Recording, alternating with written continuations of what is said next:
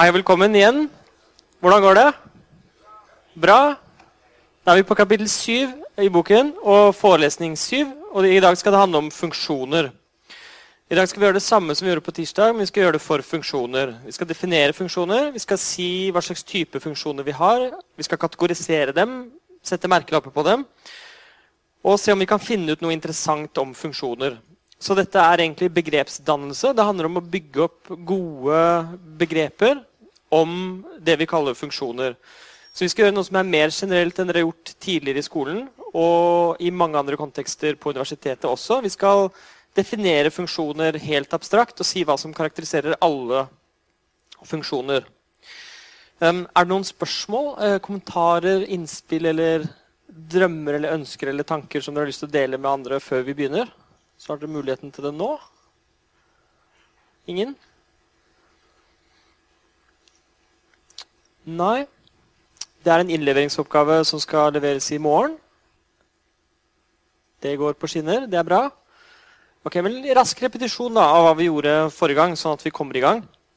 Forrige gang snakket vi om relasjoner. Og dette er en måte å tegne opp alle relasjonene på hvor vi har en mengde med to elementer. La oss si at elementene er tallene 1 og 2, bare for enkelhets skyld. Dette er en måte å tegne opp alle måtene vi kan relatere elementer på.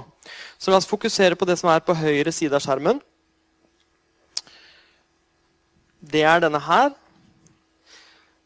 Og så glemmer vi den. Det var egentlig venstre jeg skulle si. Her.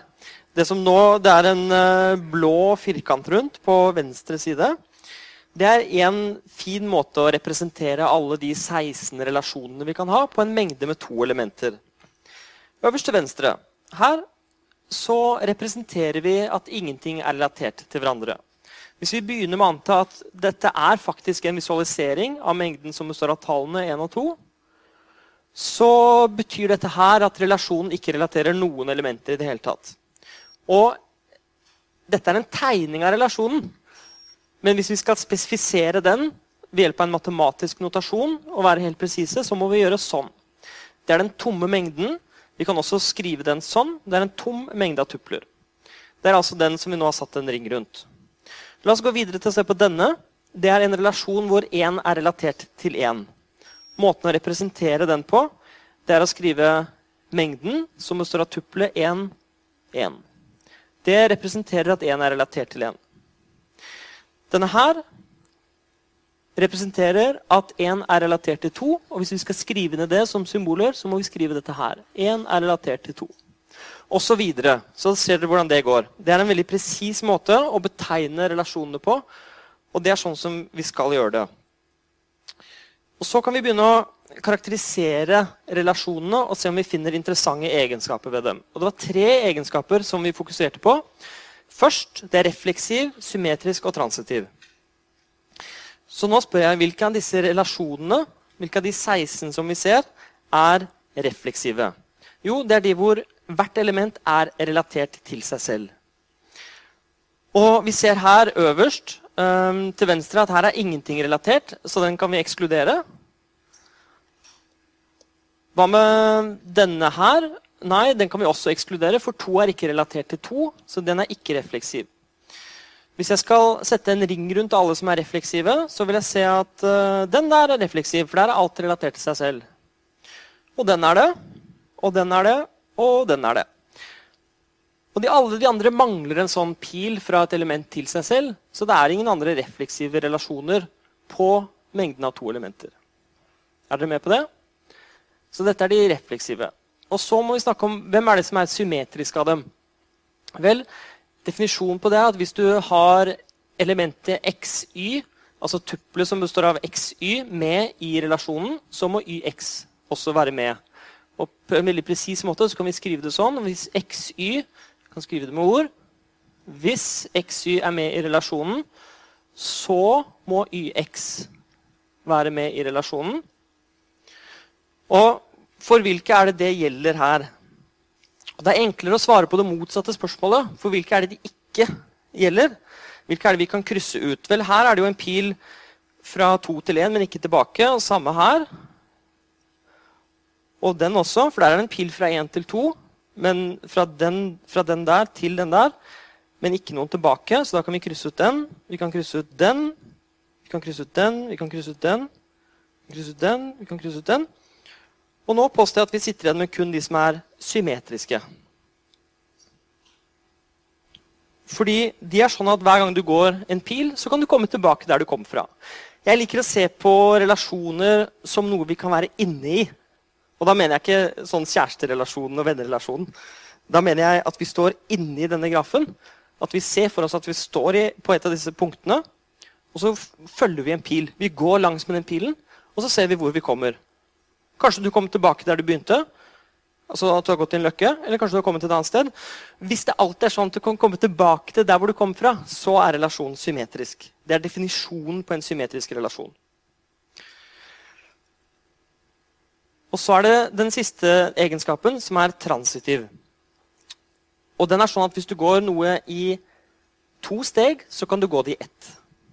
Og på en sånn presis matematisk måte, hvis du, hvis du, har med xy i relasjonen, altså tuppelet som består av elementene xy, og du har med yz i relasjonen, så må du ha med xz. Og disse tre er nå plassholdere. Jeg kunne godt skrevet ABC eller XWY eller noe annet. Poenget er at hvis du har den som er relatert til den, og den y-en der er relatert til z, så må du kunne gå det i ett steg. Og igjen så er det mye enklere å se hvilke som ikke er det.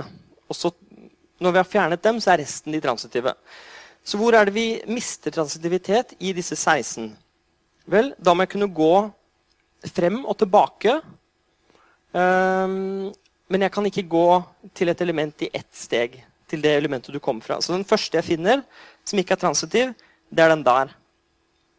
Fordi da går jeg fra 1 til 2 og fra 2 til 1, men det er ikke noen måte å komme fra 1 til 1 på. Så derfor kan jeg ekskludere den. Og på samme måte kan jeg ekskludere denne, for her kommer jeg fra 2 til 1. Altså jeg kommer herfra til 1, og så kommer jeg fra 1 til 2, men det er, noen, det er, ikke noen, pil fra 2 til 2, så jeg kommer ikke dit direkte i ett steg. Og så er det kanskje sånn at jeg må ta bort den, for der er det akkurat samme fenomenet. Er det noen andre nå som jeg må ta bort? Er det noen av disse som ikke er transitive? Den nederst til høyre er jo veldig fin. Den er total, og den er universell, så der er alt relatert til alt. Så det blir ikke noe moteksempel. Så den er i hvert fall, er hvert fall transitiv. Og det er faktisk sånn at resten er transitive. Eh, for det fins ikke noe moteksempel. Det fins ikke noe eksempel på det som står øverst her, hvor dette her er sant, mens dette her er usant. Nå er det en litt sånn rar situasjon med bare to elementer. Den mye mer naturlige situasjonen opptrer når du har tre eller flere. Hvor da har du denne situasjonen her, og så sier du ok, du går dit i ett steg, og så går du til et annet element.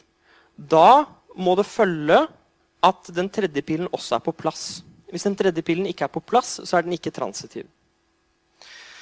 Så disse bildene, disse illustrasjonene, de er ment å hjelpe deres intuisjon når det gjelder relasjoner.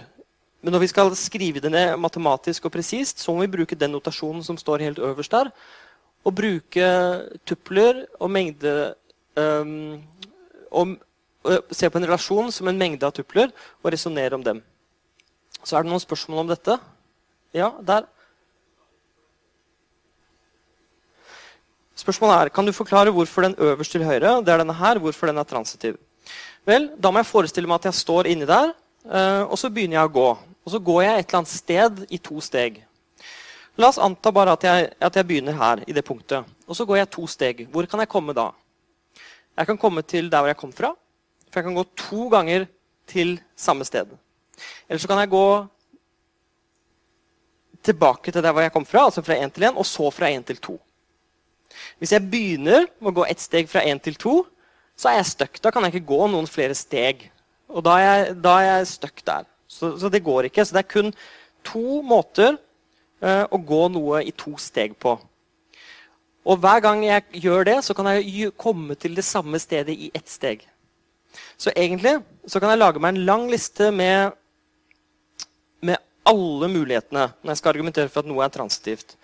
Ok, For å ta det veldig nøye Det bildet der representerer en relasjon som ser sånn ut. Enig i det? Det er bare et bilde og en måte å representere den relasjonen på. At én er relatert til én, og at én er relatert til to. Og så sier jeg at jeg må sjekke alle tilfellene hvor jeg har tuppelet xy og, med r, og jeg har tuppelet YZ med IR. Og hvis jeg nå velger 1-1 som det første elementet, da må jeg se hva er det som kan stå her. Da har jeg forpliktet meg til at den der, Y-en, er en ener. Og da må den der også være en ener her. Hvis ikke så har jeg ikke et sånt tilfelle. Og da har jeg enten én eller to jeg kan sitte inn her. Jeg kan faktisk gjøre dette i to steg.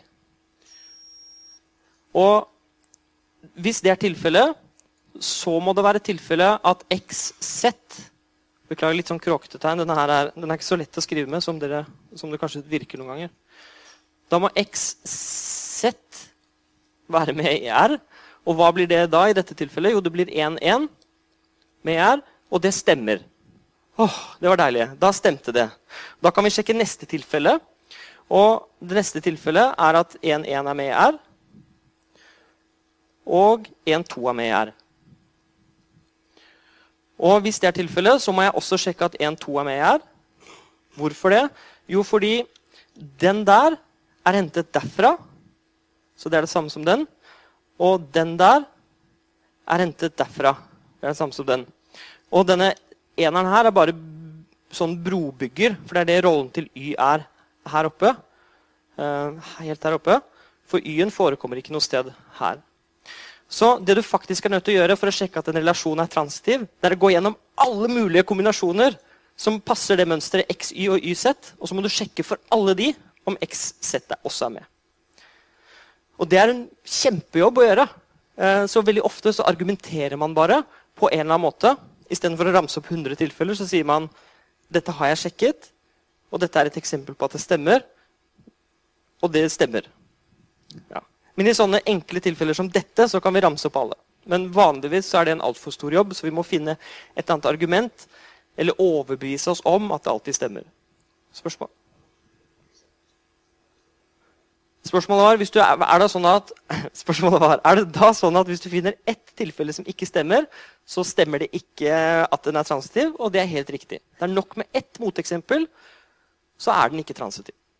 Og det gjelder alle universelle egenskaper. det. Hvis du finner ett moteksempel, så har den ikke den egenskapen. Ferdig med det. For det samme gjaldt jo da refleksiv. Jeg kan si at denne her er ikke refleksiv fordi det mangler noe her. For Den må ha den på alle de enkelte. Sånn er det med universelle påstander. Ok. Nå ser jeg at denne repetisjonen tar litt lengre tid enn jeg hadde forventet, men det er kanskje nyttig. Så la oss gjøre det. Det er to egenskaper til da, med relasjoner som vi skal huske på. Det ene er eh, antisymmetri, og så er det irrefleksivitet. Antisymmetri det betyr at hvis du har xy og yx og det betyr, Med det mener jeg at hvis xy er et tuppel med i relasjonen, og yx er med som et tuppel i relasjonen, så må x og y faktisk være like. Det betyr i praksis at du kan ikke gå fra x til y og fra y til x tilbake igjen hvor det er to forskjellige elementer. Da må det faktisk være det samme. Det er en måte å tvinge inn eh, at du ikke har Det er en måte det motsatte av symmetri, men det er ikke det samme som at en relasjon ikke er symmetrisk. fordi at en relasjon ikke er symmetrisk, det betyr bare at den ikke har den egenskapen. Det fins faktisk en pil hvor du ikke kan gå tilbake. Men antisymmetri sier noe om alle mulige. Hvis du faktisk går fra én, og så går du frem til noe annet, da er det ikke noe vei tilbake. Og dette er en måte å fange inn det på. Hvis noen av dere har en bedre måte å fange inn akkurat det på, vær så god. Uh, kom gjerne med det. Men dette er den beste jeg vet om for å fange inn akkurat det. At hvis du går frem, så kan du heller ikke gå tilbake. Det går an selvfølgelig an å si det. Kan, en ekvivalent formulering av antisymmetri er eh, Hvis du har to forskjellige elementer, x og y, hvor de er forskjellige, og du går fra x til y, så skal y ikke gå til x. Det er det samme som å si antisymmetri. Så hvilke er det som uh, er denne relasjonen Altså, ok, hvilke relasjoner her er det som er antisymmetriske. Og hvilke er det som ikke er det. Og Det enkleste er å finne ut hvilke som ikke er det. Så den enkleste jeg kan plukke ut, er den som står der. For der går du faktisk fra én, og du går tilbake. Og det er to forskjellige. Og det går ikke. Det er ikke lov. Ut med den. Så hvilke andre kan jeg kaste ut? Jeg må kunne kaste ut alle andre som faktisk er sånn. Hvor du går frem og går tilbake. For det skal ikke være lov, det. Så jeg tar ut alle som har det, og da er jeg ferdig, faktisk. Nå er det ikke noen flere moteksempler. Så de, de som er igjen nå, de er antisymmetriske. Det er det som er intuisjonen. Du har ikke noen sånne. Ok, Og så var det den siste. Det er irrefleksivitet. Og det betyr at ingenting har piler til seg selv. Og da må vi ta ut alle som faktisk har det. Den, Der er det ett element som har en pil til seg selv. Den skal ut. Den skal ut, den skal ut, den skal ut, den skal ut. den skal ut, den skal ut. Og det er ikke så mange som blir igjen. nei. Sånn. Det blir fire stykker igjen. De er de irrefleksive. Det er der hvor ingen elementer er relatert til seg selv. Og så snakket vi om ordninger. Vi sa at en partiell ordning er en relasjon som er refleksiv, transitiv og antisymmetrisk. Og så sa vi kanskje en enda viktigere egenskap, og det er ekvivalensrelasjon. Det er en relasjon som er refleksiv, transitiv og symmetrisk. Og ekvivalensrelasjon og partiell ordning er det samme, bortsett fra at vi bytter ut symmetri med antisymmetri. Så hver gang noen snakker om partiell ordning, så er det en refleksiv, transitiv og antisymmetrisk relasjon. Og den siste egenskapen som vi snakket om, nå får dere en full repetisjon, da. Eh, det var en total ordning. Og intuisjon der er sånn som vi har med reelle tall. At uansett hvilke to du tar, så er det ene mindre lik det andre, eller omvendt.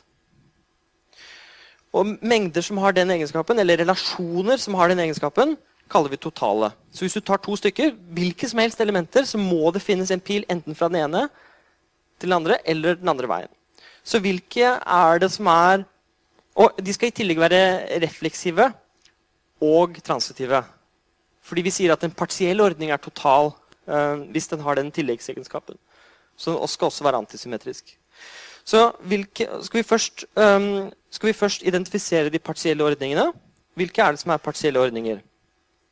Hvilke kan jeg ta ut? Jeg kan ta ut de som ikke er refleksive først. De skal bare rett og slett ut. Det er disse. For de, ikke, de, for de er ikke refleksive. Og vi skal kun beholde de refleksive. Det var egentlig ganske greit. Det var ikke så mange igjen. da. Sånn. Der nede sitter vi igjen med fire stykker. De er refleksive. Er de transitive? Ja, de er transitive. Er de antisymmetriske? Nei, det er én som ikke er det. Hvilke av de fire kandidatene som nå ikke har kryss på seg, er det som overlever? Hvis jeg skal skyte ut alle de som, er, som ikke har den egenskapen antisymmetri. Vel, det må være den nederst til høyre, fordi den bryter antisymmetri fordi du har to elementer som er relaterte til hverandre, men de er ikke det samme elementet. Så denne her nede, ut med den, fordi der er det to elementer som er relaterte til hverandre, men de er ikke det samme elementet. Da sitter vi igjen med fire stykker. Det er den der, den der og den der. Det blir bare tre, det. Vi sitter der med tre stykker. Så Nå spør jeg hvilke av de er totale. Fordi dette er de partielle ordningene. Og så spør du kanskje hvorfor er den, hvorfor er den øverste venstre denne her, hvorfor er den en partiell ordning? Jo, den er partiell fordi de tre egenskapene er oppfylt. Per definisjon. Den refleksiv, den er transitiv, og den er antisymmetrisk. Og så spør jeg hvilke av disse tre er totale. Så hvilke har den egenskapen at hvis du tar to stykker, så er det en eller annen pil mellom dem? Vel, det er jo de to andre så denne har den egenskapen, og den. Men denne her, den er ikke total. Og total betyr nettopp det at alt er kobla på hverandre. på en eller annen måte. Hvis du tar to stykker, så er det en pil. Enten den ene eller andre veien. Det er det total betyr, så den må ut. Så vi sitter igjen med to stykker som er de totale relasjonene på en mengde med to elementer. That's it. Nå fikk dere en hel repetisjon av det meste av det vi snakket om forrige gang. Så er det noen spørsmål til det? Hvis ikke så skal vi begynne å snakke om funksjoner. Ingen? Ok, bra. Dette er en fin uh, repetisjon, egentlig, fordi da har dere inne dette, um, dette begrepsapparatet når vi nå begynner. Så vi har lastet det litt sånn opp i internminnet, og det er veldig lurt. fordi funksjoner er egentlig bare en spesiell type relasjoner. Så la oss nå snakke om det. Hva er det vi skal snakke om i dette kapittelet om funksjoner? Vi skal snakke om hva funksjoner er, og de viktigste begrepene knyttet til funksjoner. Og det er at de kan være injektive, surrektive og objektive. Det er tre egenskaper ved funksjoner som vi skal fokusere litt på. Og vi skal snakke om at funksjoner kan ta flere argumenter, og hva det egentlig betyr. Hvordan funksjoner kan settes sammen. Det vil si at Vi lager først funksjonene, og så skal vi se hvordan kan vi lage nye funksjoner fra gamle. Akkurat på samme måte som vi gjorde det med mengder og osv. Vi skal snakke om operasjoner, som igjen er en spesiell type funksjoner.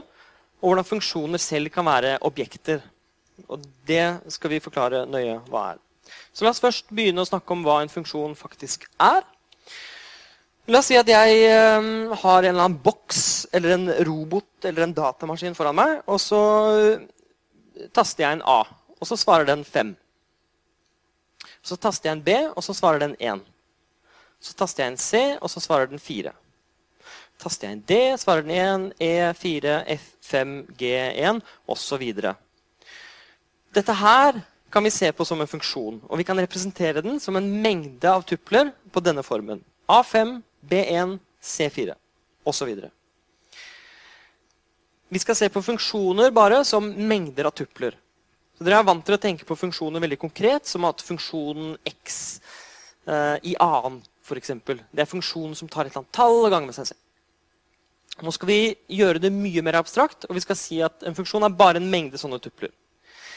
Men det kan ikke være en hvilken som helst mengde, og det skal vi dekke nå.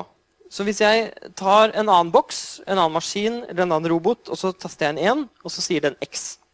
Kjempefint. Så taster jeg en 2, og så svarer den f.eks. to. Svarer litt sånn annerledes to enn den jeg dyttet inn. Så dytter jeg en tre, og så svarer den med en kopp kaffe. Vær så god, sier han. Og det er fint. Det er greit. Og så taster jeg en fire, og så får jeg B.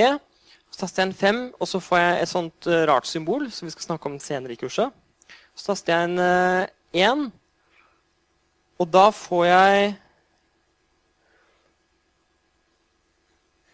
Wow. Da får jeg det symbolet der. Og det det betyr, er at dette ikke er en funksjon. Et av de første kravene til en funksjon er at hvis du taster inn det samme tallet, eller du gir det samme tallet inn, så må du få det samme som du fikk før ut. Du kan ikke si at det er både x og det der symbolet. Og Der spiller det ikke noen rolle hvordan vi fortsetter. Dette blir ikke en funksjon. Selv om jeg hadde ramset opp som en mengde tupler, på denne måten, så ville det ikke ha vært greit, ikke ok, fordi vi har denne situasjonen her. Og det er ikke greit når vi har å gjøre med en funksjon. En funksjon skal alltid tilordne én verdi til et av det samme argumentet. Så la oss definere en funksjon helt presist. En funksjon fra A til B er en binær relasjon fra A til B.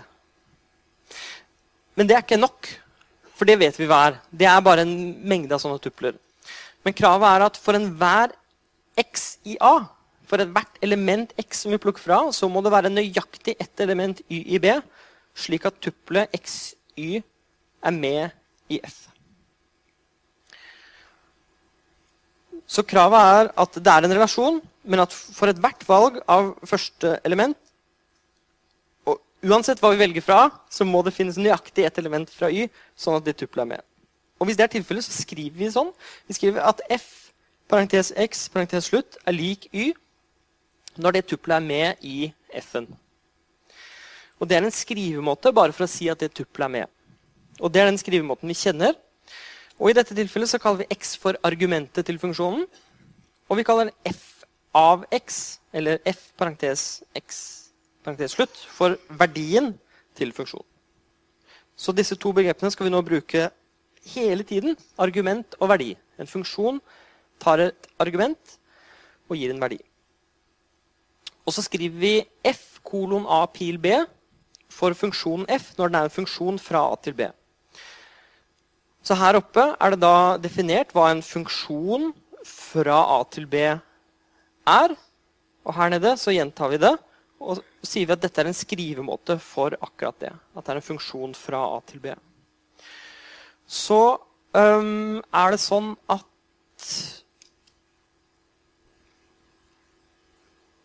Jeg tror det holder, jeg. Uh, er det noen spørsmål til definisjonen?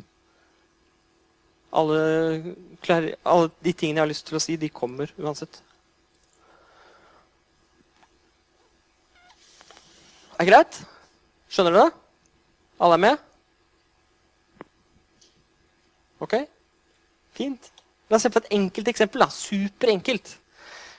En enkel funksjon. Det er det enkleste vi klarer å få til. Relasjonen som består av tuplene 1, 1, 2, 2, 3, 3, er en funksjon fra mengden som består av tallene 1, 2, 3, til mengden som består av tallene 1, 2, 3. Og hvis vi kaller denne funksjonen for f, altså vi setter navnet f på den relasjonen eller funksjonen, så får vi at f av 1 er lik 1, f av 2 er lik 2, og f av 3 er lik 3. Det er det. Det var, enkle, det var, kanskje det enkleste eksempelet jeg klarer å komme på. Men vi må ha et eksempel på noe motsatt også, noe som ikke er en funksjon. Så relasjonen som består av tuplene 1b og 2a, fra 1, 2, 3 til ab, er ikke en funksjon. Hvorfor ikke det? Okay, da tegner vi det opp som et bilde. Så på, her så skriver vi 1, 2, 3. Det er eh, de tre elementene her. Og så skriver vi A, B her borte. Det er de elementene her. Og så står det her at 1 skal være relatert til B. står det. Så får vi en sånn. Og så står det her at 2 skal være relatert til A. Så sier jeg at eh, dette ikke er en funksjon. Hvorfor er det ikke en funksjon?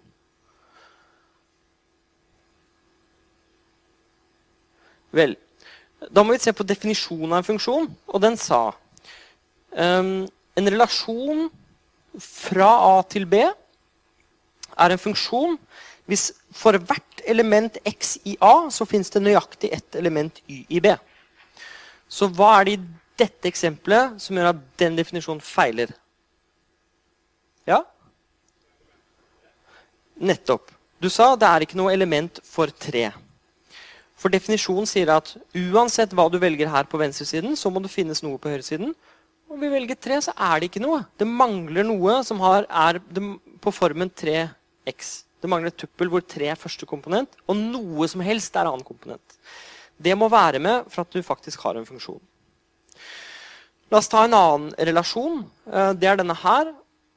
Jeg må fjerne det som står der. Relasjon 1-1 og 1-2 på 1-2. Husker dere hva det var? Altså Hvis jeg har et element her som er 1, og et element her som er 2, så er en relasjon på den. Det er en mengde tupler hvor elementene kommer herfra.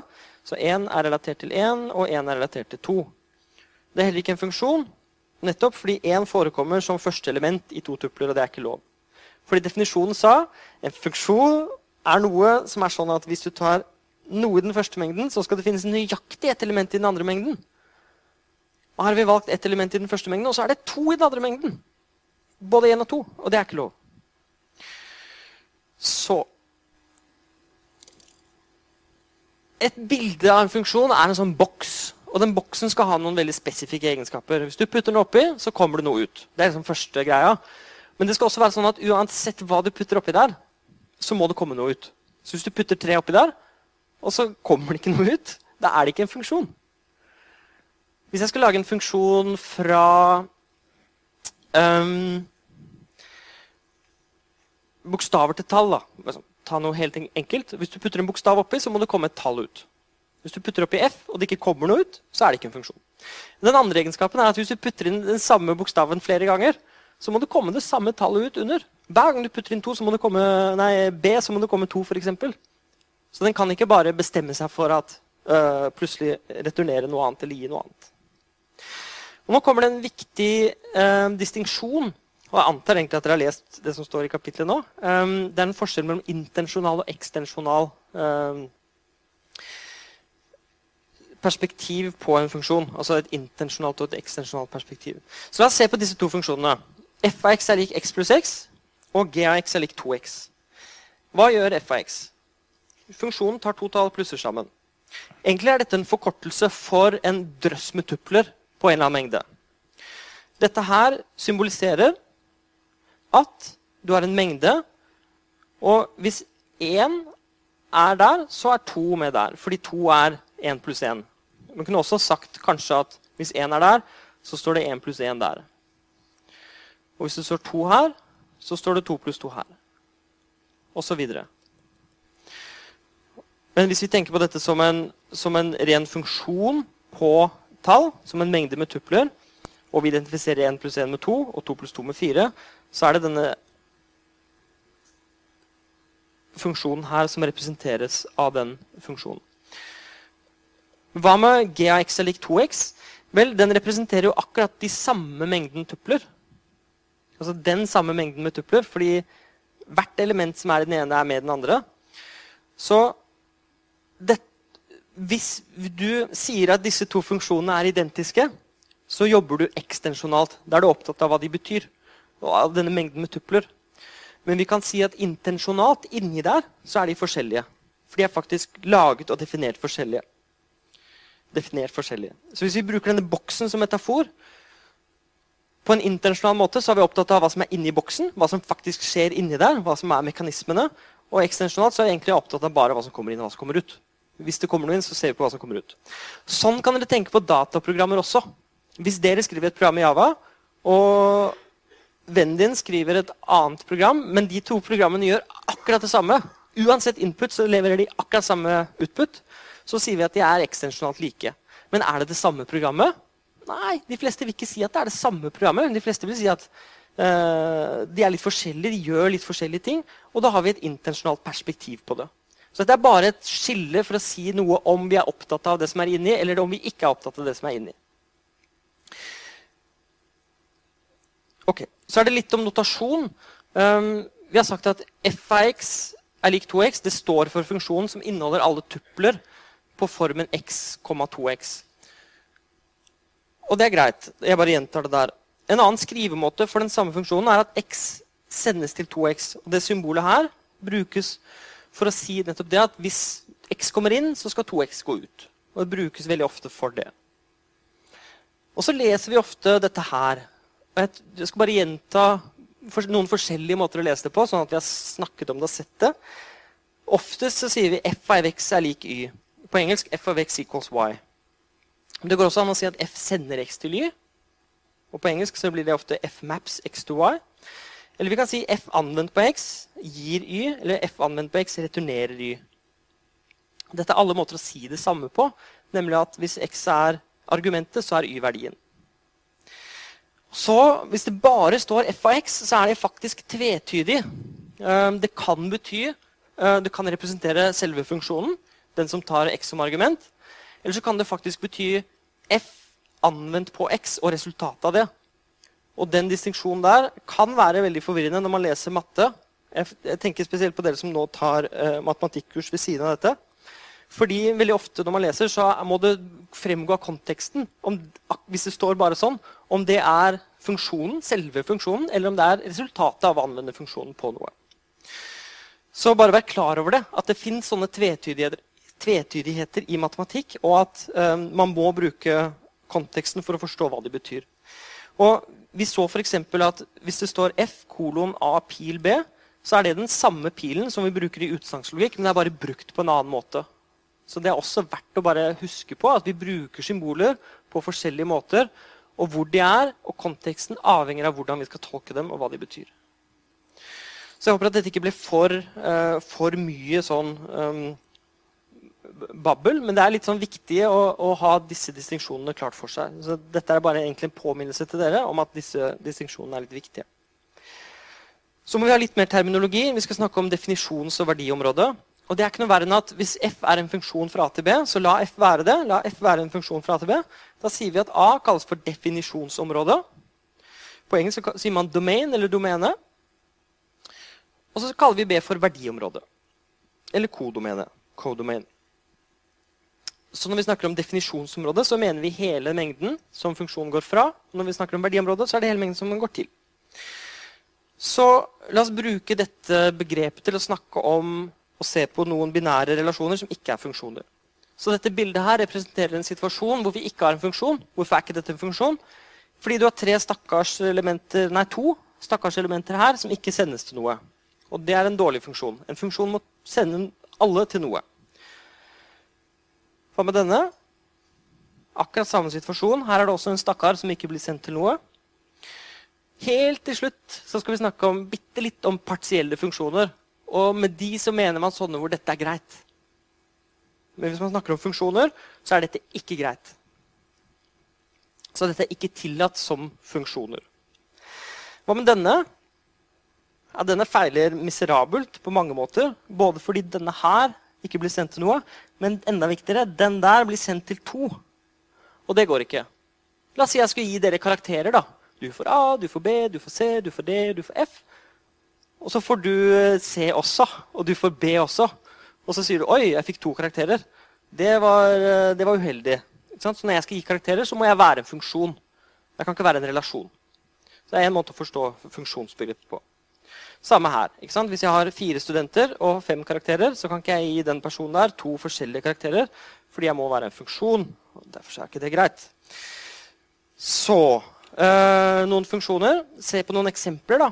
Hvis vi tar en tilordning av sannhetsverdier til utsagnsvariabler, så er det en funksjon. Så vi har alle utsagnsvariablene foran oss. P, Q, R, S, T, U, V, W osv. Og, og så bam, sier vi du er, sann, du er usann, du er sann, du er usann, du sann. du er usann. Da har vi en funksjon. Fra mengden av utsagnsvariabler til mengden som består av 0 og 1. Eller sann og usann. Usann sann. En valuasjon er en funksjon fra mengden av alle utsagnslogiske formler til den samme mengden. Det er mye større. Vi kan si det sånn at den utvider uh, den første funksjonen til å gjelde alle formler, ikke bare uh, variablene. Ikke bare det, men en valuasjon kan ikke være en vilkårlig eller en, uh, en hvilken som helst funksjon. Det må være en som oppfyller sannhetsverditabellene og definisjonen av konnektivene. Helt spesifikt så kan den ikke gi både verdien sann til en formel og dens negasjon. Det er ikke lov. Og hvis du har forpliktet deg til å si at P er sann og Q er sann, da må du si at konjunksjonen også er sann. Hvis ikke så er det ikke en valuasjon. Men en valuasjon er en funksjon. Fra mengden av formler til 0,1. Denne funksjonen, funksjonen S fra naturlige tall til naturlige tall, som er slik at S av x er lik x pluss 1, det kalles for etterfølgefunksjonen eller successor function på de naturlige tallene. Og det er lurt å tegne opp alt som bilder. absolutt alt. Så hvis jeg tegner opp tallene her oppe, 0, 1, 2, 3, dette er de naturlige tallene, og så tegner jeg opp tallene her nede igjen. Um, hvordan kan jeg representere og, og, visualisere den funksjonen? Jo, 0 sendes til 1, 1 sendes til 2, 2 sendes til 3, 3 sendes til 4 osv. Så, videre. så den ser sånn ut. Dette er bildet av den funksjonen. Uh, det, det, visuelle bildet av denne funksjonen. Det vi ser er at Stakkar 0 er jo her nede og har ingen som uh, treffer seg. Men det er jo sånn det er å være en del av en sånn funksjon. Det er ikke alltid at du blir truffet av noe. Det skal vi snakke om. Hvis A er en mengde, så er identitetsfunksjonen på funksjonen A. Det kaller vi ofte for id-A. Det er den som er slik at id-A av x er lik x for alle x med A. Så uansett hva A er hvis, hvis, du har naturlige tall, så kan du godt si at id på naturlige tall det er funksjonen som hvis den tar 3 inn, så får du 3 ut. Så det kalles for identitetsfunksjonen. Det er bare noen funksjoner som det er greit å ha hørt om, som vi skal komme tilbake til hele tiden. Så Nå har vi definert funksjoner, og vi har sett noen eksempler på funksjoner. Nå skal vi begynne å karakterisere dem og se på hvilke egenskaper de kan ha. Vi skal snakke om disse tre injektive, surjektive og bijektive funksjoner. La oss se på de injektive først. Det er den første egenskapen som vi er opptatt av. Og dette er veldig enkelt. Den sier at en funksjon f fra a til b Uansett, hvis det er en funksjon fra A til B, så sier vi at den er injektiv. Hvis det for alle elementer x og y i A er sånn at hvis de er forskjellige, hvis x er forskjellig fra y, så må det de sendes til, også være forskjellig. Det det betyr, er at hvis du har en, en mengde med elementer La oss si det er tall. da, 1, 2, 3, 4 nettopp nedover sånn. Og så har du noe her borte som de sendes til. Samme hva det er. Så er det sånn, Hvis du tar x og y med i A, så la oss si at jeg tar den og den. da, 2 og 4. Hvis de faktisk er ulike, det var de i dette tilfellet, det var to forskjellige, så må det de sendes til, også være ulike. Da jeg ser etter hvor går den? Jo, den går dit. Og den, nei, den går ikke dit, den går dit. Bra, da er de forskjellige. Men hadde de gått til samme element, så ville jeg brutt den egenskapen, og det ville ikke vært injektivt. Og det må jeg faktisk, oi, det må jeg faktisk sjekke for alle um, mulige sånne elementer. Jeg må sjekke at denne egenskapen holder uansett. Og hvis det er tilfellet, så har vi en injektiv funksjon, sier vi. Og vi sier i så fall at F er en injeksjon. Og vi sier også at den er én til én. Og én til én betyr bare at øh, hvis du tar én, så går den til én, og hvis du tar en annen, så går den til én, og den tredje går den til én. Så du har en én-til-én-funksjon. Og de skal ikke gå til det samme. Det er det som er det viktige med injektivitet. Så injektiv betyr altså at to forskjellige elementer sendes til to forskjellige elementer. Og dette er en egenskap som vi trenger. og Det er derfor vi setter navn på det. Det er ikke bare sånn at vi, vi liker å sette navn på ting, men det er ikke sånn at dette er en meningsløs øvelse, fordi denne egenskapen er så viktig i mange sammenhenger. At du har to um, At to ting sendes til forskjellige uh, ting. Det er sånn at uh,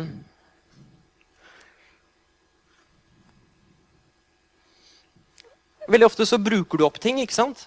Hvis, du, hvis, jeg gir noe til deg, og jeg gir noe til deg, og jeg gir noe til deg, så, jeg, så har jeg plutselig gitt bort de tingene, så jeg kan ikke gi, uh, den, jeg kan ikke gi deg det samme. Uh, og det, det, dette har med injektivitet å gjøre. La oss heller se på noen bilder. Dette her er injektivt, og dette er injektivt. Og det er funksjoner, fordi det blir sendt til noe forskjellige. Så her er det tre elementer og tre elementer her, og de blir alle sendt til noe forskjellige. Her er det tre, og her er det fem, og alle blir sendt til noe forskjellig. Kjempefint. Men her har vi tre og to, og her blir to, de to øverste sendt til det samme, og det er ikke lov. Og her også blir to, de to nederste sendt til det samme, og det er ikke lov. Det kan godt være en drøss her borte. Spiller ingen rolle. Det er helt greit, men alt må sendes til forskjellige ting. Det er definisjonen av injektivitet. Og når vi har det begrepet, så kan vi snakke om det som heter bildemengden. Og bildemengden, intuitivt, det er det som blir um, truffet av funksjonen. Så la f være en funksjon fra a til b. Ok, la meg um,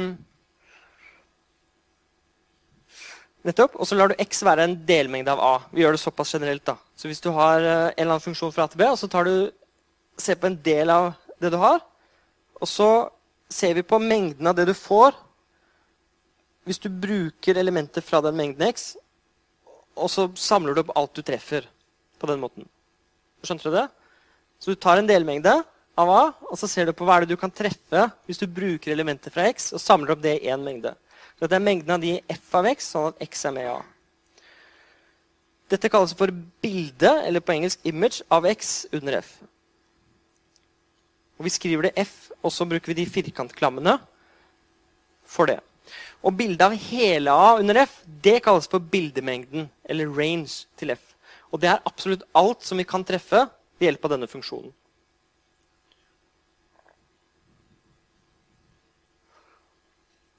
Ok, nå må vi ha en pause. Eh, et kvarters pause, og så fortsetter vi og snakker om dette. Flott, da fortsetter vi. Og der vi slapp, det handlet om bildemengden til en funksjon.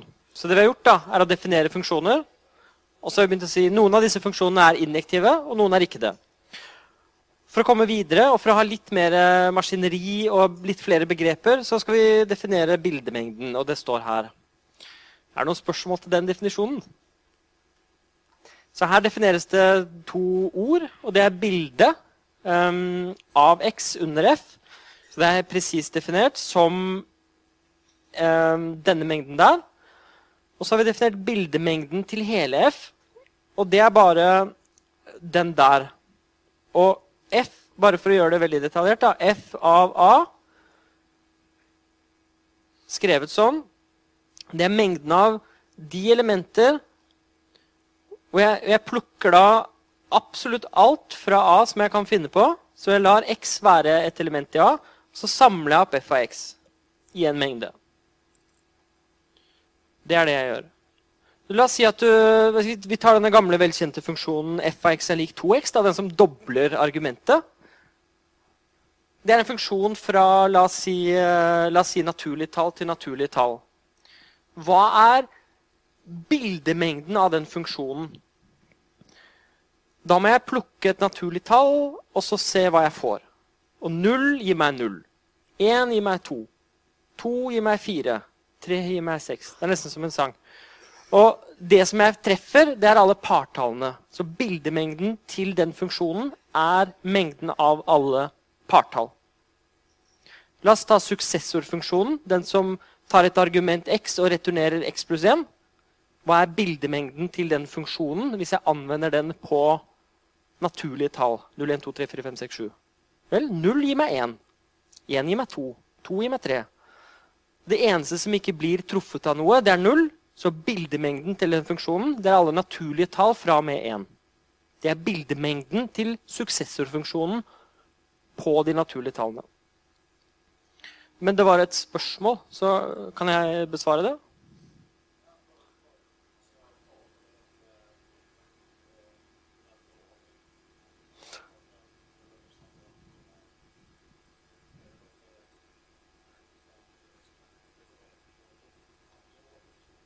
Nettopp. Så spørsmålet var følgende. Du snakker nå om bildemengden, og så snakket du om verdiområdet. Og det du sier nå, sier du, uh, det er at bildemengden trenger ikke være hele verdiområdet. Fordi verdiområdet i disse to tilfellene det var de naturlige tallene. Absolutt alle de naturlige tallene. Og noe av det i disse to tilfellene var bildemengden. I det første tilfellet så var det veldig sånn hullete, for det var annenhver. Så det blir mengden av partall. Og I dette siste tilfellet så var det nesten hele verdiområdet. Altså nesten alle naturlige tall, men vi hadde tatt bort null. Og det er akkurat det vi skal snakke om nå. Det er hva er det som skjer når de to er like? Når bildemengden og verdiområdet er sammenfallende. Med andre ord at man treffer alt. Så Det er temaet vi skal snakke om nå. Det er den andre essensielle egenskapen med den funksjonen som vi har lyst til å identifisere. Er det noen andre spørsmål før jeg går i gang med det? Nei. Så den definisjonen uh, og den egenskapen kalles for surjektivitet, eller surjektive funksjoner.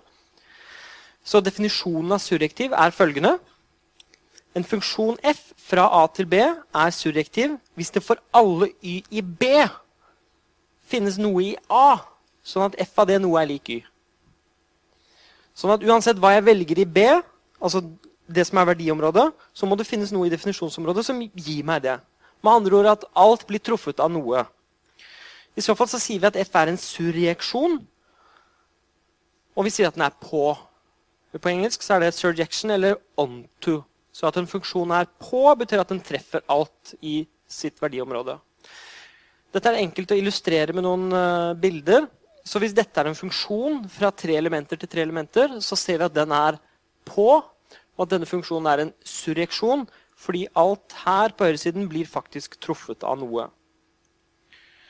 Denne her er også på, fordi alt her blir truffet av noe. Og Hvis vi følger definisjonen, så sa definisjonen at um, for alle y i b, sto det. Fordi dette her er a, og dette er b. Og f er en funksjon fra a til b. Og så står det for alle y i b må det finnes en X med i A, slik at F av X er lik Y. Som andre ord, hvis jeg plukker en eller annen her, det er den Y-en med i B, så må det finnes en eller annen X, og her har jeg to å velge mellom. Den og den. Det er helt greit. Her for eksempel, så er det en X, og den pilen her betyr at F av X faktisk er lik y i det tilfellet. Og jeg må gjøre sjekken for absolutt alle. og Den der må bli truffet av noe. ok, Den blir truffet av den, greit. Og den blir truffet av den, greit. Så jeg må ta den testen for alt i verdiområdet. Så må jeg se om det finnes noe i definisjonsområdet som faktisk gir meg det jeg velger ut. På en eller annen måte så er det å gå baklengs. da. I stad gikk vi forlengs. Vi sa hvis du har to forskjellige, så må du gå til to forskjellige. Da kalte vi det for en injektiv funksjon. Nå går vi baklengs. Vi sier at hvis du har noe, så må du faktisk bli truffet av noe. Og Dette her er jo et eksempel på hvor det ikke skjer. For her er det en stakkar her nede som ikke blir truffet av noe. Det fins ingen pil incoming her. Innkommende pil til den. Og Derfor er det ikke en surrejektiv funksjon. ikke en surreaksjon. Vi sier at funksjonen er ikke på. Og Det er en sånn matematisk språkbruk, en veldig spesiell måte å bruke språket på, men det er vanlig terminologi Så man sier at funksjonen ikke er på, så betyr det akkurat dette. Denne her er heller ikke på. Den er veldig hissig på disse to her, fordi de blir truffet av veldig mange. Men her er det en som ikke blir truffet av noe, og da er ikke funksjonen på. Så er det noen spørsmål til surjektive funksjoner. Dette er en uh, abstrakt definisjon som dekker alt. Ja?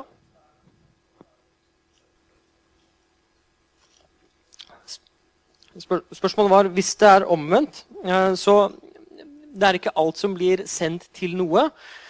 Nemlig, og da har vi denne situasjonen her, hvor vi kanskje har tre der og to her. Og så blir den sendt dit og den sendt dit. Men her er det en stakkar som ikke blir sendt til noe. Da er det ikke engang en funksjon. Det er, ikke, det er, ikke, en funksjon. For at det skal være en funksjon, så må alt bli sendt til noe. Så du må faktisk ta et valg. Sånn. Er det noen andre spørsmål? Ja? Spørsmålet var om én prikk kan sende til to av de andre. Og da har vi denne situasjonen her. At vi har f.eks. sånn igjen, da, og at den blir både sendt dit og den blir sendt dit. Og den blir sendt dit og den blir sendt dit. Da har vi heller ikke en funksjon. Eh, da har vi en relasjon. Så vi begynte med universet av funksjoner, og så sier vi bam! Det er en delmengde av dem som faktisk er funksjonene. Og da tar vi bort alle sånne i første omgang. Så det er, en, det er fanget inn i definisjonen av en funksjon. Og det som nå er uh, kult, syns jeg, da Det er avhengig av hva man syns er kult. Men uh, at man kan sette sammen disse to egenskapene, surrektiv og injektiv, og kalle de biektiv. Og det betyr bare at du har begge deler. Så definisjonen av en bieksjon det er at en funksjon er biektiv på engelsk bijective. Ser du? En subtil forskjell der. Hvis den er injektiv og surrektiv. Jeg tullet bare. altså Det er det samme ordet på engelsk. mer eller mindre. Eh, og Ofte så tar jeg med det engelske ordet og sier at det er det samme for å fortelle dere at det er ikke noe annet rart. Det kan virke litt teit at jeg sier bijective i parentes, men det er for å fortelle dere at det ikke har et eller annet sprøtt annet navn. For det kunne jo tenkes. Så, um, så det er grunnen til at det står der. Ok, Så det er injektiv og surrektiv. Og da sier vi at funksjonen er en bijeksjon. Vi sier også at det er en én-til-én-korrespondanse. Og nå er det en del begreper som, som, svirrer rundt. Vi har adjektiver og substantiver. Vi, vi, kaller en funksjon for injektiv, surrektiv og biektiv. avhengig av egenskapen den har. Og I så fall så kaller vi den også en injeksjon, surreksjon og bieksjon. Så vi har substantivene på plass. Og Det er på en måte de tekniske fancy orda. Og så sier vi ofte at Injeksjon er det samme som én-til-én. Mye enklere å si en én-til-én-funksjon. Og en surreksjon det er en funksjon som er på. Og Hvis vi er både og, så kaller vi den én-til-én korrespondanse. For én-til-én brukte vi for injektive funksjoner. Og hvis vi legger til korrespondanse, så får vi en bieksjon. Så en én-til-én-korrespondanse det er en funksjon som er både injektiv og surrektiv. La oss se på noen av bildene. Dette her er en typisk biektiv funksjon. Fordi den er surrektiv, og fordi den er injektiv. Alt blir truffet, og hvis du har to forskjellige, så går det til to forskjellige. Dette her er også en bieksjon. Og Vi ser nå intuitivt at dette er én-til-én-korrespondanser. Fordi hvis du tar og ser på koblingene, så er, det, så er de i par. Det betyr at vi kan lage par av absolutt alt. En én-til-én-korrespondanse betyr at på den ene siden så har du noe, og det har nøyaktig en på den andre siden, og vice versa. Så hvis jeg hadde gitt hver av dere en karakter Du får A, du får B, du får C, du får A, du får B Det er ikke en én-til-én korrespondanse, fordi det er flere av dere som har samme karakter. Hvis jeg, hadde, hvis jeg hadde skrevet et brev til hver av dere Hei. Og så bare fortalt i dag har jeg gjort sånn, og jeg hadde et unikt brev til hver av dere, så hadde det vært en biektiv funksjon. For, da, for hver person så ville det vært et brev, og for hvert brev jeg skrev, så var det en person. Så det er en sånn én-til-én-korrespondanse. Det er en biektiv funksjon. Hvis noe ikke er biektivt, så er det enten sånn at den ikke er injektiv, sånn som her. To går til én, det er ikke lov. Eller at noe ikke blir truffet. Da er det heller ikke en bieksjon. Nå skal vi snakke om maling. Fordi maling er en god metafor for disse tingene. La oss si at du skal male en vegg. Hva betyr det å male den injektivt? Og er det en egenskap som du ønsker hvis du skal male en vegg? Injektivt betyr at um, hvis du tar et område på veggen, så maler du det. Og hvis du tar et annet område, så maler du det. Så injektivt betyr at vi aldri maler over samme sted to ganger. Det er i hvert fall min intuisjon om injektivt. Um, hvis du maler over samme sted to ganger, så er det ikke en injektiv måte å male på. Og en surrektiv måte å male på er å male hele veggen. Uh, alt skal males. Hele veggen skal males. Hvis du bommer på et sted, så er det ikke en surrektiv måte å male på. Så du, jeg ønsker faktisk å ha en biektiv maler. Så sier han 'Hei, avtale', står det i avtalen. 'Veggen skal males biektivt.' Og så sier han eh? Det er, men det er fordi du ønsker ikke at han skal male over det samme stedet om igjen og om igjen. og om igjen. For da gjør, gjør han det så, det, så, bryter du den injektiviteten. Ja. Så det var maling. Og så må vi snakke om pil. Pil og bue. La oss si eh, Robin Hood. Er, eller en eller annen veldig god uh, bueskytter. Ta en annen. Ok, dropp det. Uh, hvis han skyter en pil midt i, og så skyter han en ny pil bam, oppå den andre det er veldig vanskelig, men han klarer det, for han er så flink. Da er han ikke en injektiv bueskytter. For da har han to piler, og de går på samme sted. Og det er ikke greit. Så det er det injektiv betyr. Hver pil skal gå til hvert sine steder. Og surrektiv er litt annerledes, for surrektiv betyr at hele blinken skal treffes. Alt skal liksom Uansett skal du bare fylle alt. Og det er veldig sjeldent. Og i dette tilfellet her så er det jo i midten at ingenting har blitt truffet da alt er på utsiden. Så det er ikke en surrektiv måte å, å skyte piler på. Jeg tror disse bildene forteller det meste egentlig om disse begrepene. Så, og grunnen til at jeg tar med disse bildene, er at vi skal bygge intuisjoner. Så jeg håper at det hjelper litt. Så nå må vi ta et blikk på det som vi er så glad i og kjente med. Det er liksom det vi lærte på skolen. da. F av x er lik 2x. Og en måte å tegne det på er denne. Spørsmålet mitt er er den injektiv? Er den surrektiv? Er den biektiv? Hva slags egenskaper har denne funksjonen? Så la meg spørre dere. Er den injektiv? Noen nikker, og noen sier ja. Og jeg er tilbøyelig til å være enig sånn ved første øyekast. Fordi da må vi tenke hva er definisjonsområdet? Det virker som om det er reelle tall her. Alle reelle tall. Liksom positive og negative. Og hva er verdiområdet? Det virker som det også er reelle tall. på en eller annen måte. Og injektiv, hva betyr det? Hvis du tar to forskjellige tall, to forskjellige reelle tall, må tenke, så blir de sendt til to forskjellige reelle tall. Er det sånn? Her? Hvis jeg tar to forskjellige reelle tall, og så bruker jeg denne funksjonen på dem, får jeg da to forskjellige reelle tall?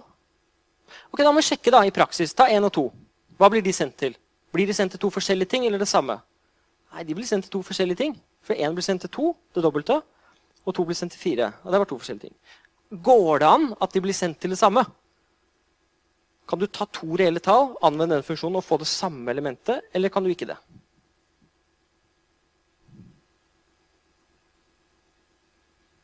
Det er faretruende stille her nå. Dette er en test. Går det an å ta to reelle tall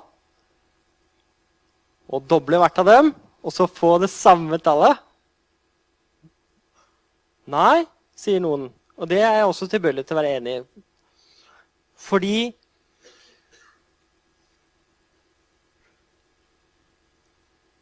Hvis du tar to forskjellige tall og dobler hvert av de, så får du jo to forskjellige tall hvor avstanden er proporsjonalt mye større. Det går også an å bevise det. Anta at du har to tall som blir sendt til det samme. Og så kan du argumentere for at å ja, så både x og y blir sendt til det samme. Så både 2x og 2y må være det samme. Da kan man bare dele på to, da. Så får jeg at x og y må, måtte ha vært det samme, det òg. Ja, men du antok at de var forskjellige, så det er ikke mulig. Det beviset er skrevet ut i boken, men det er en måte å argumentere for at dette ikke er mulig på. Du antar at kanskje det er mulig, og så kommer du frem til at nei, det var ikke det likevel. Men med andre ord så er den injektiv. Er den surrektiv? Her får jeg to forskjellige typer svar fra publikum.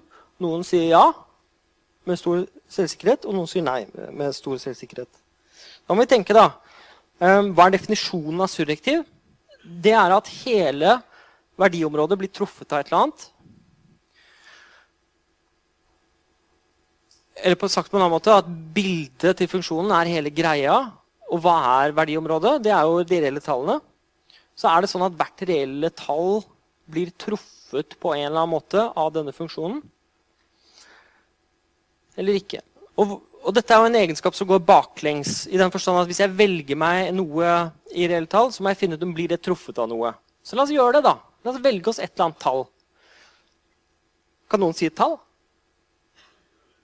37. Blir 37 truffet av noe? Ja, det blir truffet av 18,5. Er det noen som har et annet tall? Ja. 42 blir truffet av 21. Noen som har et annet tall? 1 blir truffet av en halv.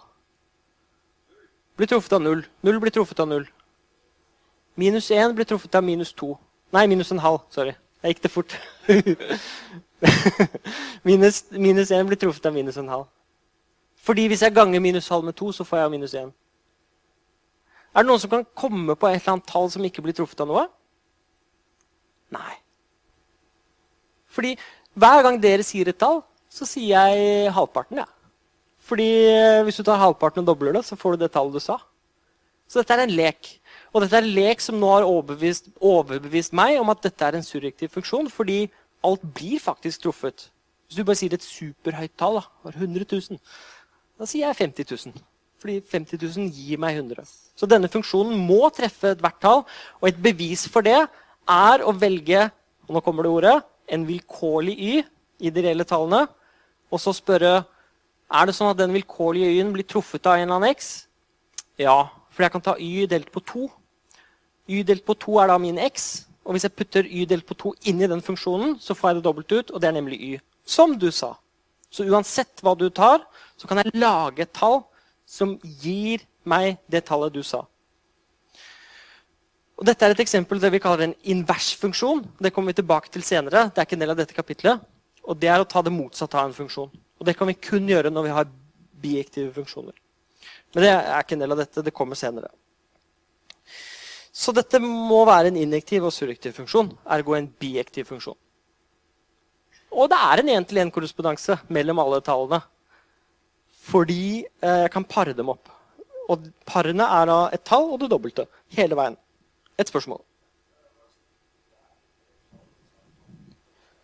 Spørsmålet er hva er det som er eh, eh, et reelt tall, men som ikke er et tall. Og det er ingenting omvendt. Hva er det som er tall, men ikke reelle tall? Og det er sånne andre tall utover reelle tall. F.eks. komplekse tall, imaginære tall, surreelle tall, Uh, andre rare tall. Nå må jeg finne på noe.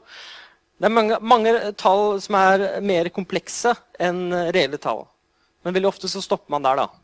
Og vi jobber ikke mye med reelle tall i dette kurset, for det er nokså uh, komplekst hvis man tenker over det. Hva er egentlig et reelt tall? Det er et veldig legitimt spørsmål. Hvordan definerer du et reelt tall? Så jeg går ikke inn på det i denne boken. i det hele tatt. Jeg tar det litt for gitt og sier at tall er noe vi har på tallinjen. og så ikke noe mer. Men, øh, men det er et dypt spørsmål. Og interessant. Hva er det som teller som reelle tall, og hvordan definerer vi dem? Er det noen spørsmål til denne? Nei. La oss ta den neste, da. Den gode, gamle f av x er lik x i annen. Den har dere sett før. Hvis vi tegner bildet den, av den, eller visualiserer den, så ser den sånn ut. Så nå er det spørsmålet igjen. da. Er den injektiv, eller er den surjektiv? Eller er den begge deler? Eller verken eller? Dette er på en måte vår jakt på å kategorisere funksjoner. Vi har laget en bøtte og der står det injektiv. Hva er det som skal være oppi den bøtta? Er den injektiv? Nei, er det noen som sier. Hvorfor er den ikke det, da? Ja?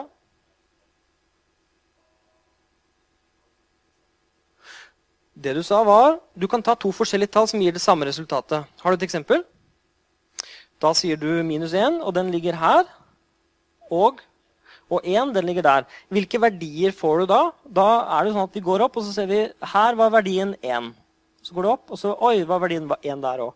Med andre ord så f av minus 1 er lik minus 1 i annen er lik 1. Og f av 1 er lik 1 i annen er lik 1. Og da har du to forskjellige elementer som blir sendt til det samme. Da har du akkurat denne situasjonen her. Da har du pil og bue, Robin Hood, maler to steder på samme gang. Det er ikke greit. Og den er altså ikke injektiv av den grunn. Og er spørsmålet er den surjektiv. Og er, jeg får både ja, nei og kommer an på. Uh, ropt ut. Og en hånd. Det er liksom alle, alle, mulighetene. Noen som faktisk er høflige. Så la oss ta det du rekker opp en hånd. Det du sa, var det kommer an på verdimengden. Jeg vil kanskje snu det litt på hodet og si at kanskje det kommer an på definisjonsområdet. Men det, det, det, tenker vi på det som det samme her nå, så du har helt rett. Fordi vi har en funksjon fra reelle tall til reelle tall, hvor reelle tall både er definisjonsområde og verdiområde.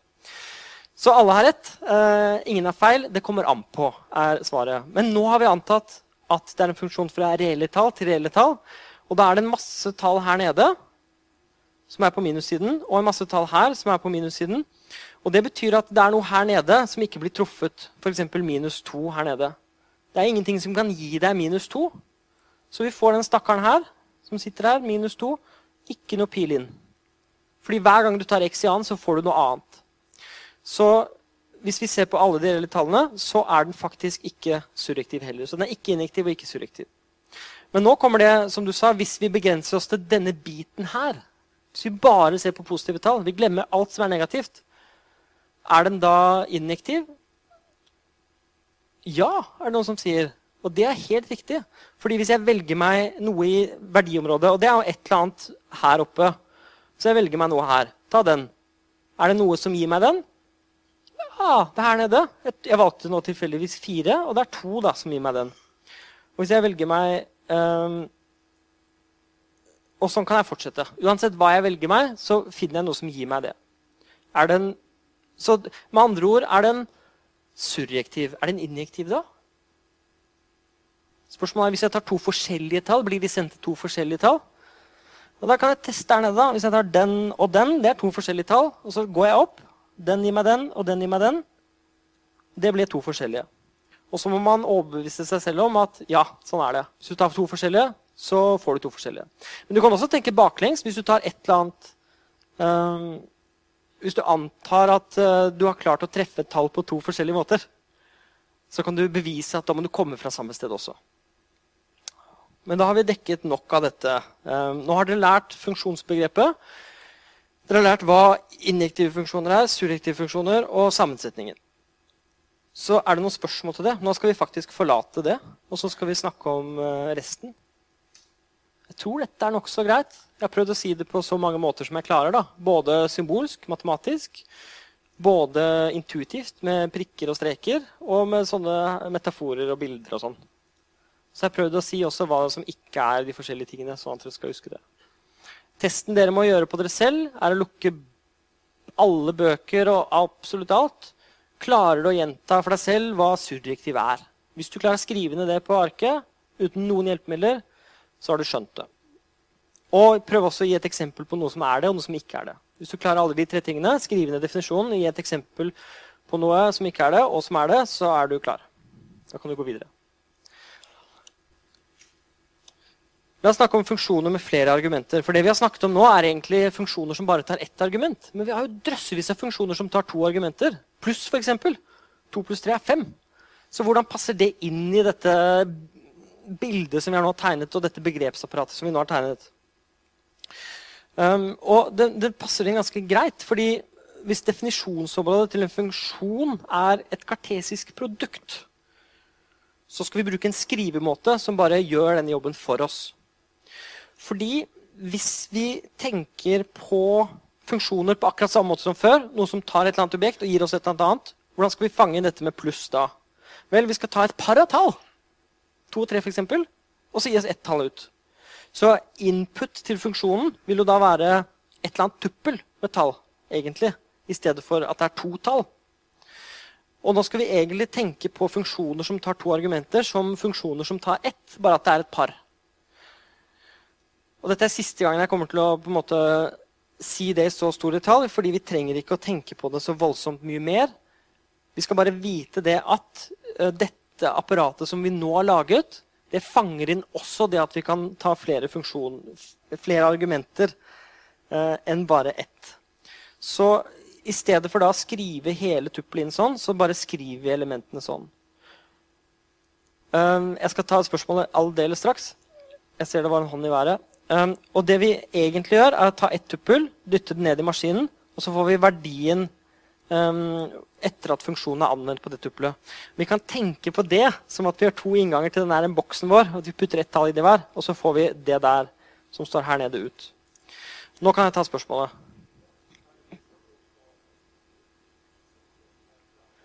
Spørsmålet var er det mulig å få et tuppel returnert fra en funksjon. Og det er helt uproblematisk. Det som er verdiområdet, det kan være hvilken som helst mengde. Det som skal være definisjonsområdet, kan også være hvilken som helst mengde. Og Det trenger ikke å være mengde med bare tall. Det kan være mengde med mennesker, det kan være mengde med funksjoner, det kan være mengde med tupler. Så lenge det er en mengde på den ene siden og en mengde på den andre siden, så kan de to mengdene være akkurat hva du vil. Um, og Det er et veldig flott sitat av Georg Kantor, uh, som er 'Matematikk er frihet'. Uh, og I matematikk har du lov til å gjøre absolutt hva du vil. Innenfor de rammene som vi har definert. Da, selvfølgelig. Men, men, men, du kan gjøre det. Um, så du kan lage et, en funksjon som tar to argumenter, hvis du virkelig skal forvirre det opp, og som gir deg tuppel av de to ut. og på en måte så er det bare identitetsfunksjonen. Fordi den tar et tuppel inn og gir deg et tuppel ut. Um, så Det var det. Nå har jeg bare sagt det, sånn at dere har hørt litt om uh, funksjoner som tar flere argumenter. Jeg har igjen filosofi, uh, og det er at det lønner seg å se på alle elementene i en mengde og prøve å visualisere det. Med relasjoner så prøvde vi å gjøre det med, med to elementer. Så det var 16 relasjoner på en mengde med to elementer. og Så så vi på de 16. På tilsvarende måte så kan vi gjøre den leken med funksjoner og se om vi blir klokere av det. Så jeg har den filosofien at jeg tror at vi blir klokere av å bruke datamaskiner til å lage bilder for oss av alle som fins. Så hvis jeg nå tar alle funksjoner fra to elementer til to elementer, så er det bare disse fire her. Fordi hvis det er 1, 2 og 1, 2, da, som det står, så symboliserer den helt til venstre der at absolutt alt blir sendt til 1. Den andre er identitetsfunksjonen. Den tredje er den som sender 1 til 2 og 2 til 1. Og den siste er den som sender alt til 2. Er det noen flere funksjoner fra mengden som består av 1,2, til mengden som består av 1,2? Det kan ikke være det. Og hvorfor kan det ikke være det? La oss si det kom en fyr da, som sa det. Han sa at nei, nei, det er en til. Så spør du OK, da må du vise meg den. Gi meg et bevis for at det finnes en til. Og så sier han nei, det var vanskelig. Men det er en til. Ehm, så spørsmålet mitt er nå hvordan kan vi argumentere for at det ikke er noen fler? Hvorfor er det bare disse fire? Ehm, det var et spørsmål. Ja.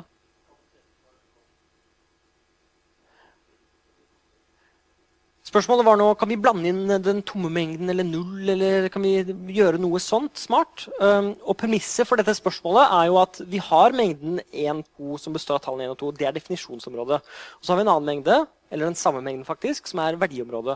Så det er premisset for oppgaven. Er det noen andre funksjoner fra, fra dette definisjonsområdet til verdiområdet? Og Et argument for at det ikke er noe flere, er at uh, for hvert element så må du velge deg nøyaktig én. Så for tallet 1 så må du velge deg enten 1 eller 2. Og for tallet 2 så må du velge deg også enten 1 eller 2. Det, er, det betyr at det fins fire muligheter i alt. Og dette er de fire, og disse er faktisk forskjellige. Når vi kommer til kapittelet om kombinatorikk, så skal vi analysere sånne type argumenter i detalj. og Det er ganske langt ute i kurset. Men det er i hvert fall én måte å argumentere for på, får dette på. At du kan argumentere for at det faktisk fins nøyaktig fire, og så kan du tegne opp fire forskjellige, og så er du ferdig. For da går det ikke an at det finnes noe flere. Men det jeg skulle gjøre, var egentlig å vise dere dette. For Hvis du øker definisjonsområdet til mengden som består av tallene 1, 2, 3, så får du dette bildet. Og helt til venstre så blir alt, både 1, 2, 3, sendt til 1. Og helt til høyre så blir alt sendt til 3. Og så er det alle andre muligheter imellom. Hva med identitetsfunksjonen? Kan, er den noe sted her? Nei. Det går ikke an å ha en identitetsfunksjon fra, fra 1, 2, 3 til 1, 2.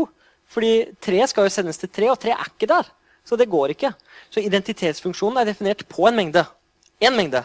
Da må definisjons- og verdiområdet være det samme. Hvor mange av disse er det? Det er nøyaktig åtte. Grunnen til det er at for hvert element på venstre side så er det to valg. Og du må gjøre to valg tre ganger. Så du får to ganger to ganger to, og det blir åtte.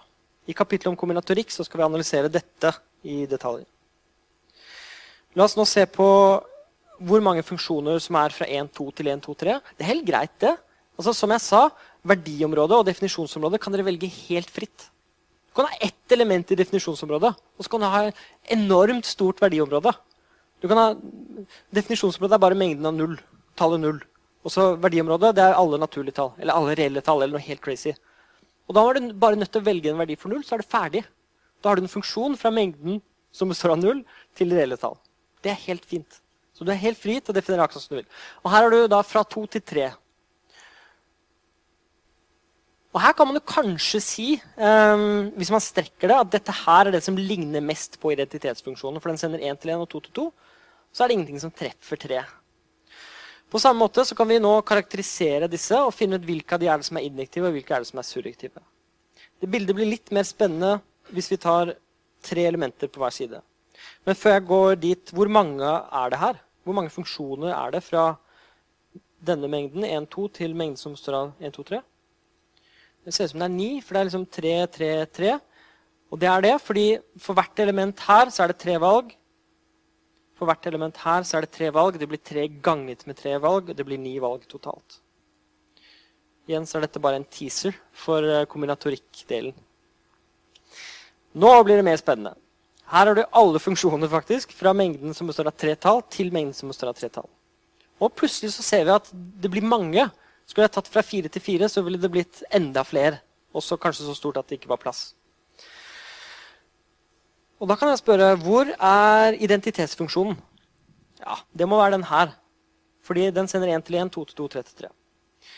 Hvilke er det som er eh, injektive av disse?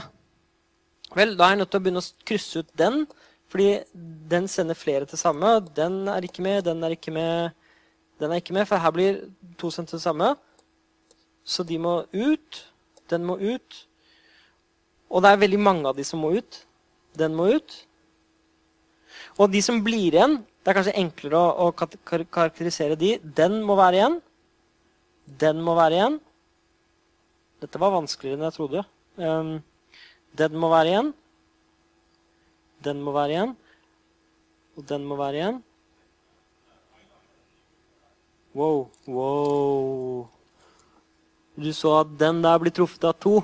For det man kan gjøre, da, man kan tegne liksom en, en, en, ring rundt alle disse. Og hvis det går to piller inn, da er det ut. Så er det noen flere? Jeg gir oppgaven til dere. Og der må det være en.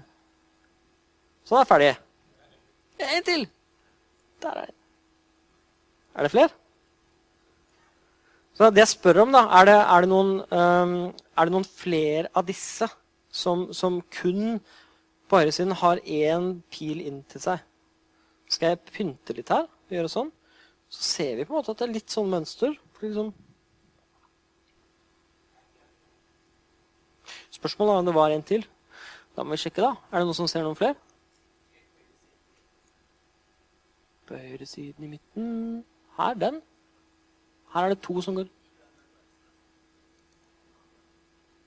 Jeg leter og leter og leter. Her er det to som går inn, her er det to som går inn, her er det tre som går inn, her er det to som går inn. Så du trekker den, du trekker den tilbake. Dette var alle de injektive vi fant. da. Og så kan vi gjøre det samme for surrektive. Og så kan vi finne ut hvilke er det som er de biektive funksjonene. Og jeg påstår at De som er ring rundt nå, det er de biektive funksjonene. her er det en sammenheng. Er ikke det litt vakkert? Fordi um, det er nøyaktig de injektive som er de surrektive. Ser dere det? Uh, og det er nøyaktig de surrektive som er de injektive. Kult. Når jeg ser sånn, så blir jeg glad. Da For da tenker jeg å, her er det noe på gang. Og når er det det skjer? Når er det det er sånn at de surrektive og de injektive er de sammenfallende? Og det er dypt. Det er ikke en del av pensum. Men jeg blir glad når jeg tenker på det. Når vil rekker rekke opp hånden. Svaret der var det er når definisjonsmengden er like stor som verdimengden. Og du sier like mange elementer. Og det er nesten riktig, men det er ikke det. Men nå snakker vi jo utenfor pensum. Spørsmålet var når er det de surrektive og de injektive er sammenfallende? Når er, det, de, når, er, når, er, når er det sånn at de, alle de injektive er surrektive, og vice versa? Ja, Det er når de er bijektive, ja. Men det, det, var ikke det jeg spurte om. fordi eh, En biektiv funksjon er en, en funksjon en funksjon som har begge egenskaper. Nå spør jeg på et mye høyere nivå. Der oppe faktisk veldig høyt. Det er Hvis jeg tegner opp alle funksjonene og ringer rundt i biektive, nei, jeg ringer rundt i surrektive og ringer rundt i injektive Når er det jeg ringer rundt nøyaktig de samme funksjonene? Det er et mye høyere ordens spørsmål. Eller i hvert fall ett nivå opp. da. Og det er som du sier, når De har like mange, men de gjelder kun for endelige. Fordi når du har uendelige mengder, så kan du ha injektive funksjoner som ikke er surrektive. Men det er ikke en del av pensum. Så hvis dere ikke hang med på det jeg sa nå, så er det bare, bare slapp av. Dette lærte jeg i fjerde året på universitetet eller noe sånt, i et kurs i matematisk logikk. Og nå er det like før jeg snakker meg bort. Jeg glemmer at dere er, det er første semester. da. Eh, det er bare, det som dere skal kunne, det er injektiv, surrektiv, biektiv. Ferdig med det. Done. Ikke sant? Dere skal kunne identifisere og si at denne funksjonen er surrektiv. Denne er injektiv, denne er biektiv. Det er læringsmålet her. Uh, så det å gjøre denne litt høyreordens betraktninger det er ikke en del av pensum. Det står i boken uh, for dere som er nysgjerrig på det. Det er to ting til. Det ene er sammensetning av funksjoner. Så vi må kunne sette dem sammen på en eller annen måte. Og bildet vårt det er at hvis vi har denne funksjonen her, som er en bieksjon Det er en surrektiv funksjon, det er en funksjon. Og hvis vi har uh, denne funksjonen her, hvordan kan vi sette de sammen? Og intuisjonen her nå er at hvis dette her er 1, 2, 3, 4, 5 og alle de andre er det Nei, vent litt. Jeg skal være enda mer nøyaktig. Dette er A, B, C, D og E. Og her er det også A, B, C, D og E.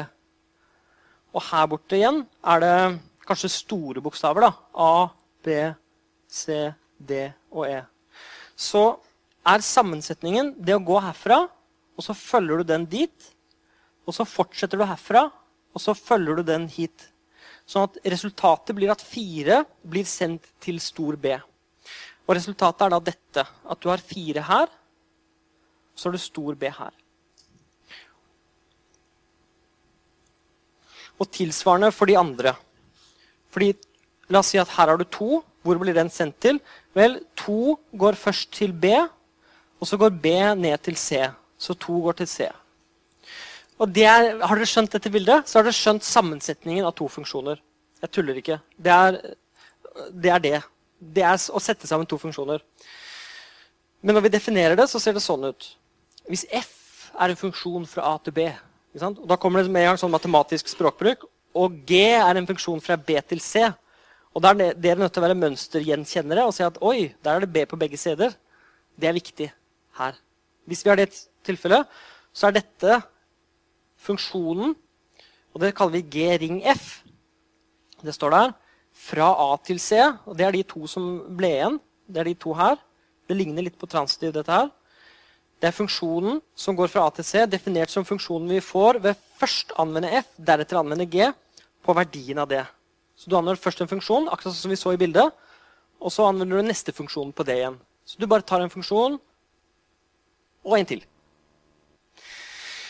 Det vil faktisk si dette, da. Så hvis du har G ring F, og så har du A som argument, så skal du først anvende F på A, og så anvende G på resultatet. Og Det er derfor det står G ring F i den rekkefølgen. Det er fordi disse to er så nærme hverandre. Og de har på en måte så lyst til å F har lyst til å bare um, ta inn og gi noe tilbake, og G står da for tur og skal gjøre det etterpå. Man kunne godt definert det omvendt, at det sto F ring G. Men det er mye lettere for oss, og det er en tradisjon for å definere det i denne rekkefølgen. Å bruke denne ring-funksjonen, øh, faktisk, som setter sammen to funksjoner til en. Til det. Den nye funksjonen kalles for sammensetningen av F og G. Så la oss ta et, oi, la oss ta et veldig enkelt eksempel. Um, og det er hvis du nå tar at F er den der doble funksjonen som vi har sett. Og så er G en funksjon som bare legger til 3. Vel, hva er sammensetningen G ring F? Og det må jo da være først anvende F, og så anvende G. Enig? Fordi F-en er nærmest argumentet. Og da får vi funksjonen som gir 2x pluss 3. For da tar du først x inn, og så ganger du med 2. Og så plusser du med 3. Da får du 2x pluss 3-funksjonen. Først multiplisere med 2, og så legge til 3. Den andre sammensetningen, f ring g, er å først anvende g, og så anvende f. Og det å anvende g det er å plusse med 3, og så skal du gange med 2. Da får du den funksjonen som heter 2 ganget med x pluss 3, som er en annen funksjon. Så her er rekkefølgen super, superviktig. Du kan ikke bare sette sammen to funksjoner. Eh, rekkefølgen er superviktig. Så denne er da altså å først anvende g-funksjonen, som er å legge til 3, og så deretter multiplisere med 2. Det siste vi skal dekke, eh, det er hva operasjoner er. Og det er så enkelt at det går eh, på et lite minutt. Og en operasjon, en unær operasjon på en mengde A er bare en funksjon fra A til A. det. Og det kaller vi for operasjon. En binær operasjon på en mengde A så hvis du har en eller annen mengde A, så kan du si at du har en operasjon på den. Det er en funksjon fra A krysset med A til A. Er det noen som kjenner en operasjon som er binær? Pluss er det noen som sier, og det gjør meg veldig glad, fordi det er det det er. Pluss er den mest typiske operasjonen som fins. Så pluss er en binær operasjon på de naturlige tallene. Fordi hvis du tar to tall og lager par av det, så får du et nytt tall. Så du får ikke noe annet enn det du hadde fra før. Så Definisjonen her sier at en operasjon er noe som ikke tar deg ut av mengden. Operasjon er noe som holder deg inne i mengden hele tiden. Og Det er definisjonen av en operasjon. Men det er det vi rekker i dag. Så får dere ha lykke til med innleveringen. God helg, og så fortsetter vi neste uke.